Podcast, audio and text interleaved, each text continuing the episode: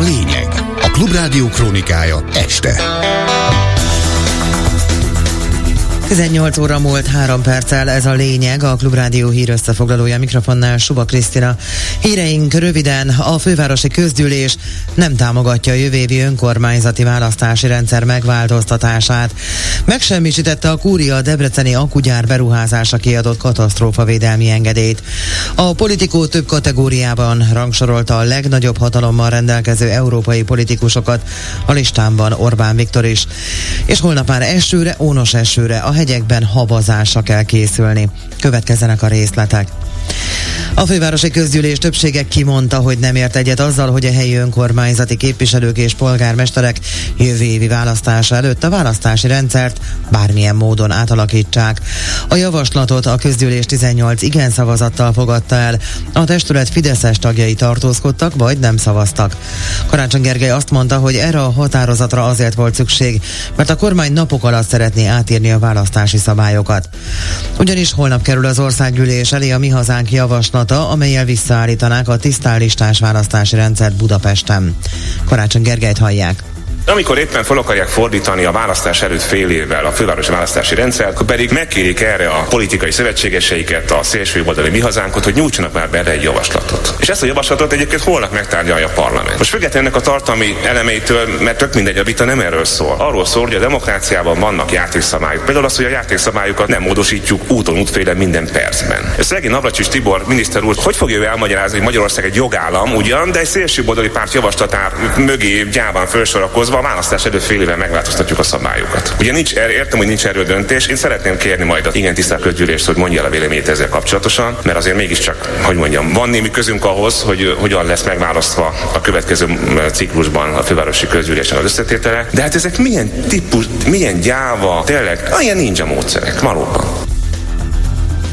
Nyirati Klára, a Momentum mozgalom bajai polgármestere egy nyilvános beszélgetésen kritizálta Donát Annát a párt LP képviselőit.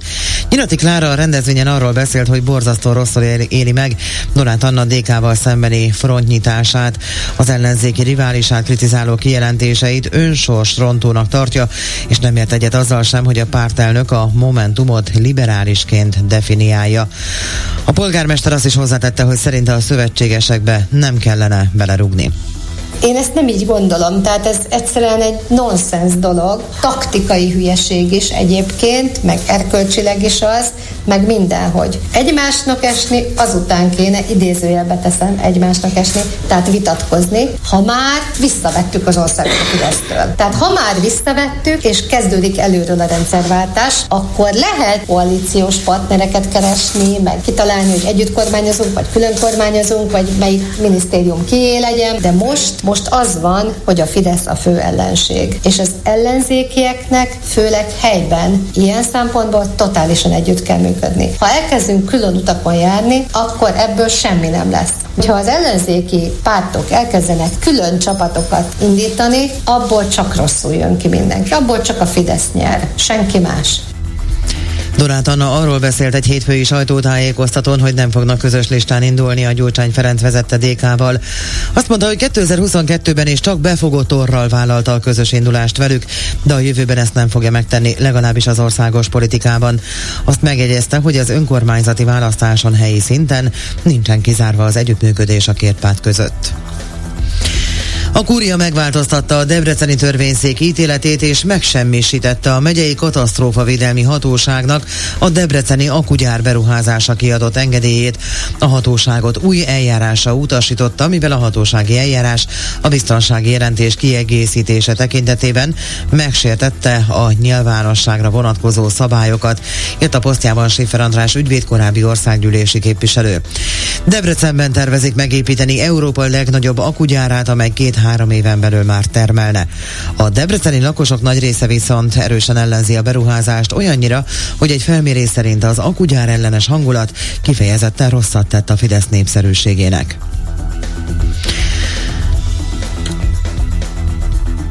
A politikó ranglistát készített a legbefolyásosabb európai politikusokról. A listát három kategóriára bontották, a cselekvők, a kerékkötők és az álmodozók, amelyek közül az egyikre Orbán Viktor is felkerült, méghozzá a kerékkötők közé. A magyar miniszterelnök második magyarországi vezetői megbizatásának 2010-es kezdete óta visszavonta a jogállamiságot és a médiaszabadságot. Összeütközésbe került az EU intézményeivel, túszként tartotta fogva Brüsszelt a szakpolitikai ügyek megvétózásával, hogy pénzt szerezzen, és aféle baráti viszonyt alakított ki Vladimir Putyin orosz elnökkel. Az európai parlamenti választások közelettével a szélsőjobboldali fenyegetés erősödésével a blogban és a Brüsszel küszöbén zajló háborúval Magyarország erős embere jó úton halad, hogy továbbra is az EU ünneprontójaként lépjen fel, ezt írja a politikó. Orbán Viktor 2024 második felében, amikor Magyarország tölti be az EU tanácsának soros elnökségét, túlzásokba eshet. Ez a befolyásos pozíció azt jelenti, hogy Budapest határozza meg a napi rendet és elnököl a miniszteri találkozókon. Ennek ellenzői attól tartanak, hogy Magyarország a hat hónapos mandátumot arra használhatja fel, hogy az európai értékekkel ellentétes politikát támogassa, írja a lap. Nem meglepő, hogy Orbán Viktor a kerékkötő kategóriába felkerült a dobogóra, ezt mondta a Klubrádiónak a Paradigma Intézet elemzője. Gáspár Kristóf szerint ugyanakkor a fél éves soros elnöki ciklus nem elég ahhoz, hogy a magyar kormányfő valami nagyobb folyamatot megakadályozzon. Szerintem azzal magában, hogy Orbán Viktor szerepel ebben a listában, az nem meglepő azért az utóbbi években, sőt akár lehet azt is mondani, hogy évtizedekben rendszeres volt, hogy Orbán Viktor megjelenik. Ezeken a listákon a kerékkötő kategória ez nem váratlan, beleillik a formáról kialakított európai képbe, amit részben akar sugálni magáról is. Külföldön úgy hivatkoznak rá, hogy a fekete bárány, ő meg magáról úgy, mint az első fecske. A lényeg az, hogy valami nagyon külön utas állásponton legyen mindig, és próbálja a saját nagyságát mindig növelni. Amit írnak róla, hogy Orbán Viktor túlzásokba eshet, vagy ha Magyarország lesz majd az EU soros elnöke? Ez abszolút szerintem egy reális forgatókönyv, azért megpróbálja szerintem a magyar kormány komolyan venni ezt az Európai Unió soros elnökségi tisztséget. Kompromisszumokról fog talán szólni sokkal inkább ez a fél év. Szerintem Orbán Viktor ezt a ciklus is arra akarja felhasználni, hogy minden nagyobbnak láttassa magát, és hát ő legyen az, aki még nagyobb szerepet tud kapni itt az Európai Uniós döntéshozatal befolyásolásánál, de az, hogy egyébként valami nagy folyamatok megakasztására kerülne sor Orbán Viktor részéről, ezt én annyira nem látom magam előtt. Váratlan fordulat állt be az amerikai republikánus előválasztás versenyében. Nikki Haley induló gyakorlatilag behozta a floridai kormányzó Ron DeSantos előnyét. Csernyászki Judit összeállítása.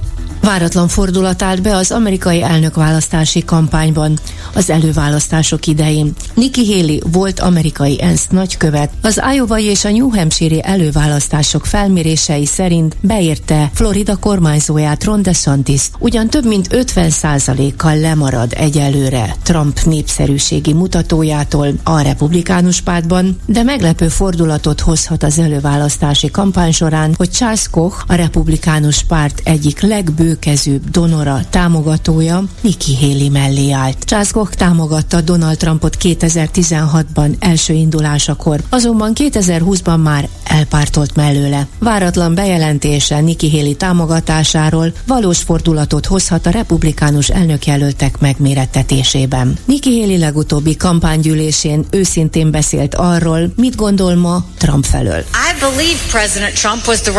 Elmondta, hogy annak idején maximálisan bízott Donald Trumpban. Büszke volt arra, hogy Amerikát ENSZ nagykövetként a volt elnök felkérésére szolgálhatta. Változnak az idők, és az az igazság, hogy most Trumpot bármit tesz, káosz veszi körül. Ugyan a jelen pillanatban szinte elképzelhetetlen, hogy a republikánusok Nikki Haley támogassák, de az elkövetkező előválasztások hozhatnak még radikális változást. Végül a várható időjárásról holnap már borongós, csapadékos idő jön, esőre és ónos esőre is számíthatunk, az északi középhegységben, a hegyekben pedig akár havazása is, de a részleteket Mesterházi András meteorológus mondja el.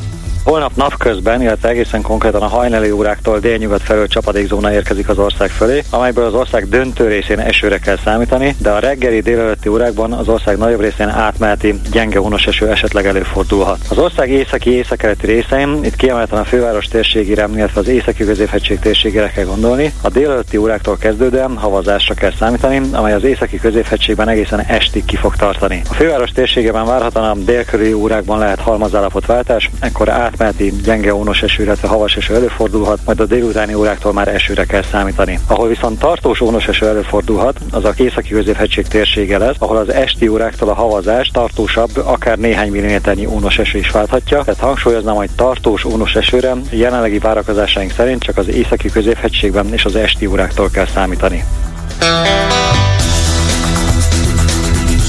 A lényeget hallották.